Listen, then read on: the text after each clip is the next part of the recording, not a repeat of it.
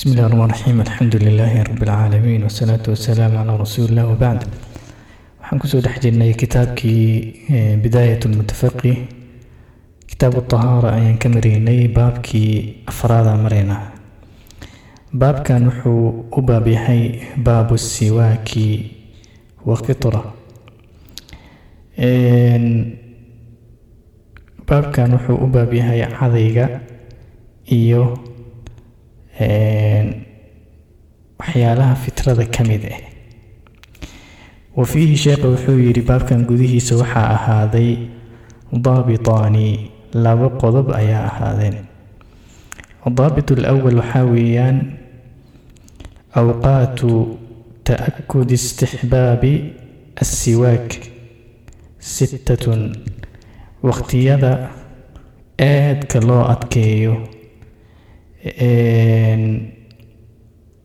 cadayga istixbaabnimadiisa waxaa weeyaan lix waqti weeyaan. Midka ugu kowaad waxaa weeyaan cinda alwuduu'i goorta aada weyseysanaysid weeyaan. Liannahu nebi sal ly wasalam xadiida ka sugan xadiidka uu warinaya axmed iyo maalik iyo bayhaqi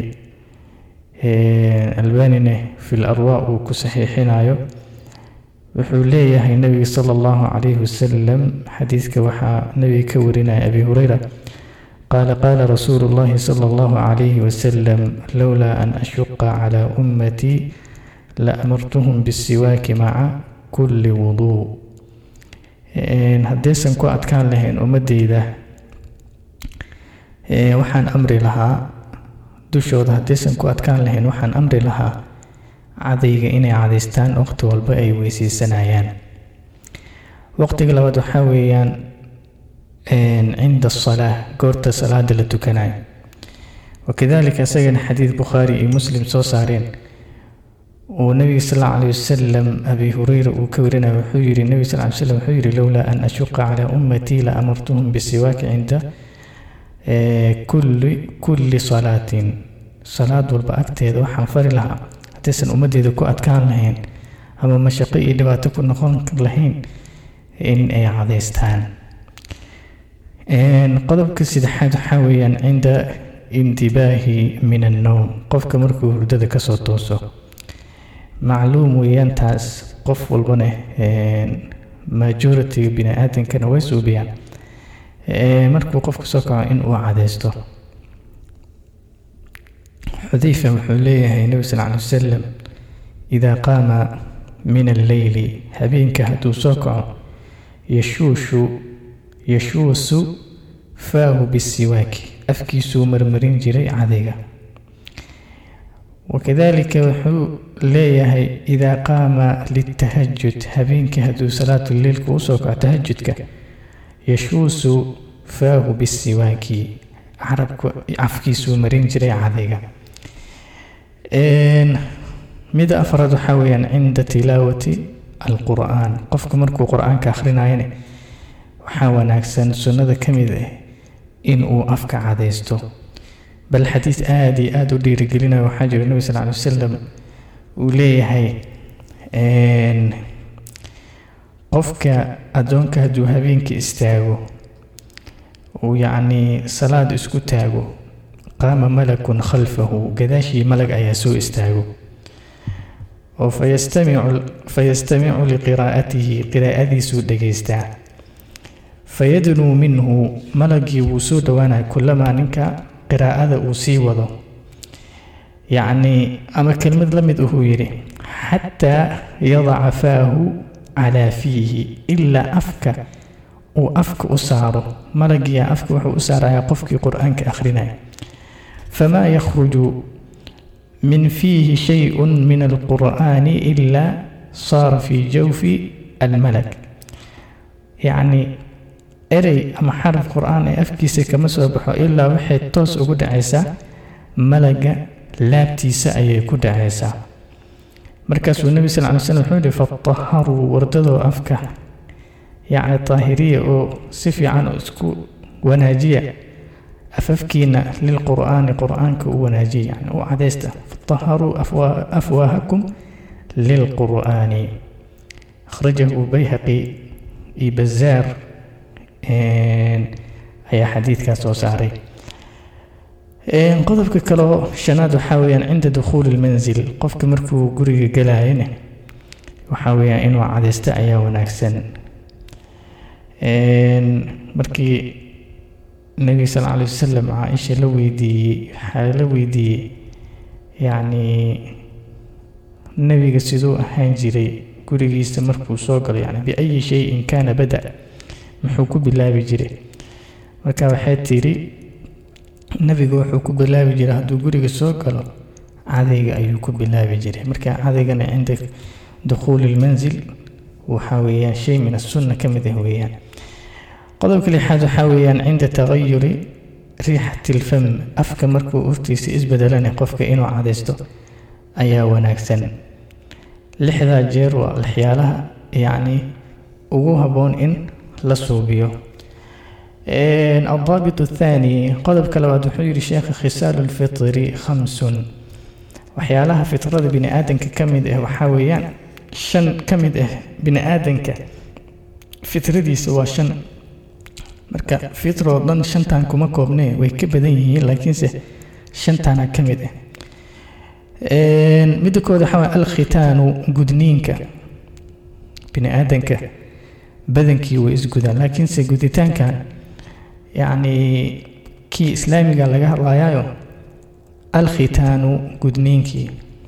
Marka wiil iyo gabarne labadooduba in la gudo sunnada weeyaan laakiinse madaahibta waxay u kala baxeen maalik iyo abi xaniifa waxay leeyihiin ragga un ayay waajib ku tahay gabdhaha waa mustaxaba yacni waa sunna haddii la doonana waa la gudi karaa haddii kalena waa la iska dhaafi karaa. Halka shaafici iyo abi yacni ibnu xambal axmed ibnu xambal uu leeyahay waa waajib rag iyo dumar qowlka raajixana waa sida.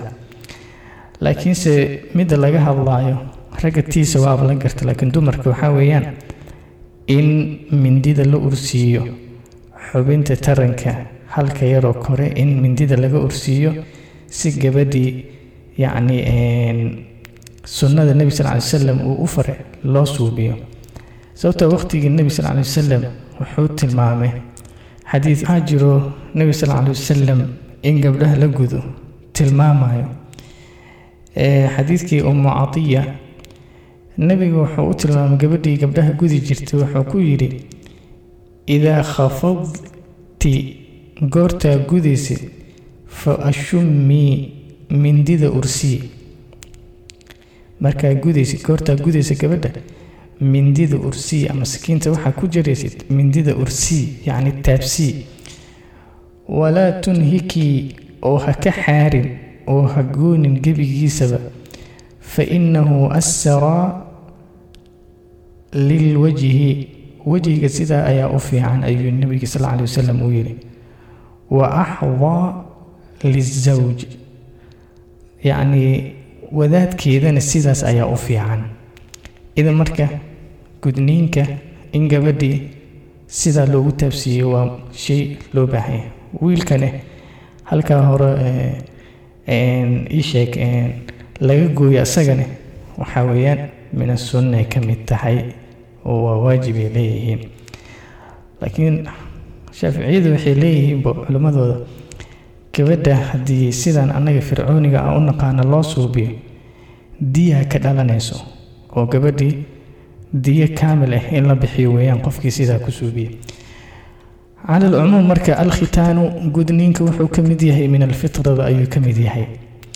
Qodobka labaad waxaa weeyaan alistixdaadu. min istixdaadka waxaa la dhahaa mindida ama sakiinta timaha hoose lagu jiro ayaa la yidhaahdaa anas radi allahu canhu wuxuu leeyahay qaala waqatalanaa rasuulu llahi sala allahu calayhi wasalam nabigu wuxuu noo xadeeyey fii qasi shawaarib shaarbaha in aan gaabinno iyo wa taqliimi aladfaar inaan gurno yacnii cijyahana inaan gurno ayuu nebi sal alay wasalam noo tilmaamay. Iyo walxalqi caanati yacnii xalqi alcaanati in timaha hoosena aan xiirno. Ayadana waxay ka mid tahay timaha hoosoo layska xiiro mina fitrada ayay ka mid tahay. Nadful ibti in kilkilaha timahoodana la jafo oo la rifo ayaa ka mid ah waxaa kaloo ka mid ah qodobka kale waxaa weeyaan qasu shawaarib shaarbaha in la gaabiyo. Qodobka u dambeeyana wuxuu yidhi sheekha shanaad taqliimu ladfaar cijiyahana in la guro. Xadiis nebi sal alay wasalam oo shantaba tilmaamaya ayaa jiro sheekhu uu soo qaatay. Abi hureyra ayaa xadiidka warinaya. Xadiidkana waa muttafaq.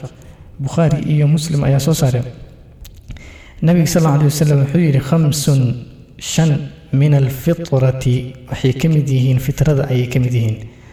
Alistixdaadu in timaha hoose la jiro oo la iska xiiro waxay ka mid tahay yacni fitraday ka mid tahay. Iyo walkhitaanu gudniinka fitraday ka mid tahay. Rag iyo dumarna in la gudaayo waxaa yacni ku tusinaya xadiis waadix ah nebi sal alay slam wuxuu yidhi ida iltaqa alkhitaanaan haddii ay kulmaan labada gudniin faqad wajaba alqusul waajib waxaa noqonayo yacni waxaa waajibay qabiiskii. Marka gabadhiina inay la gudo halkaas ayaa laga qaadanaya xadiidka. Iyo gudniinkii ayaa ka mid ah iyo waqasu shawaarib shaarbaha oo la gaabiyo. Iyo wanatf alibti wanatfu alibti in la jarane kilkilaha timaha ka soo baxaan oo la rifrifo nadfiga saasaa loo isticmaalaa iyo wa takhliim aladfaar in la jaro cijiyahana eh, la iska guro hada wallahu aclam waakhiru dacwaana an alxamdu lilaahi rabbi alcaalamiin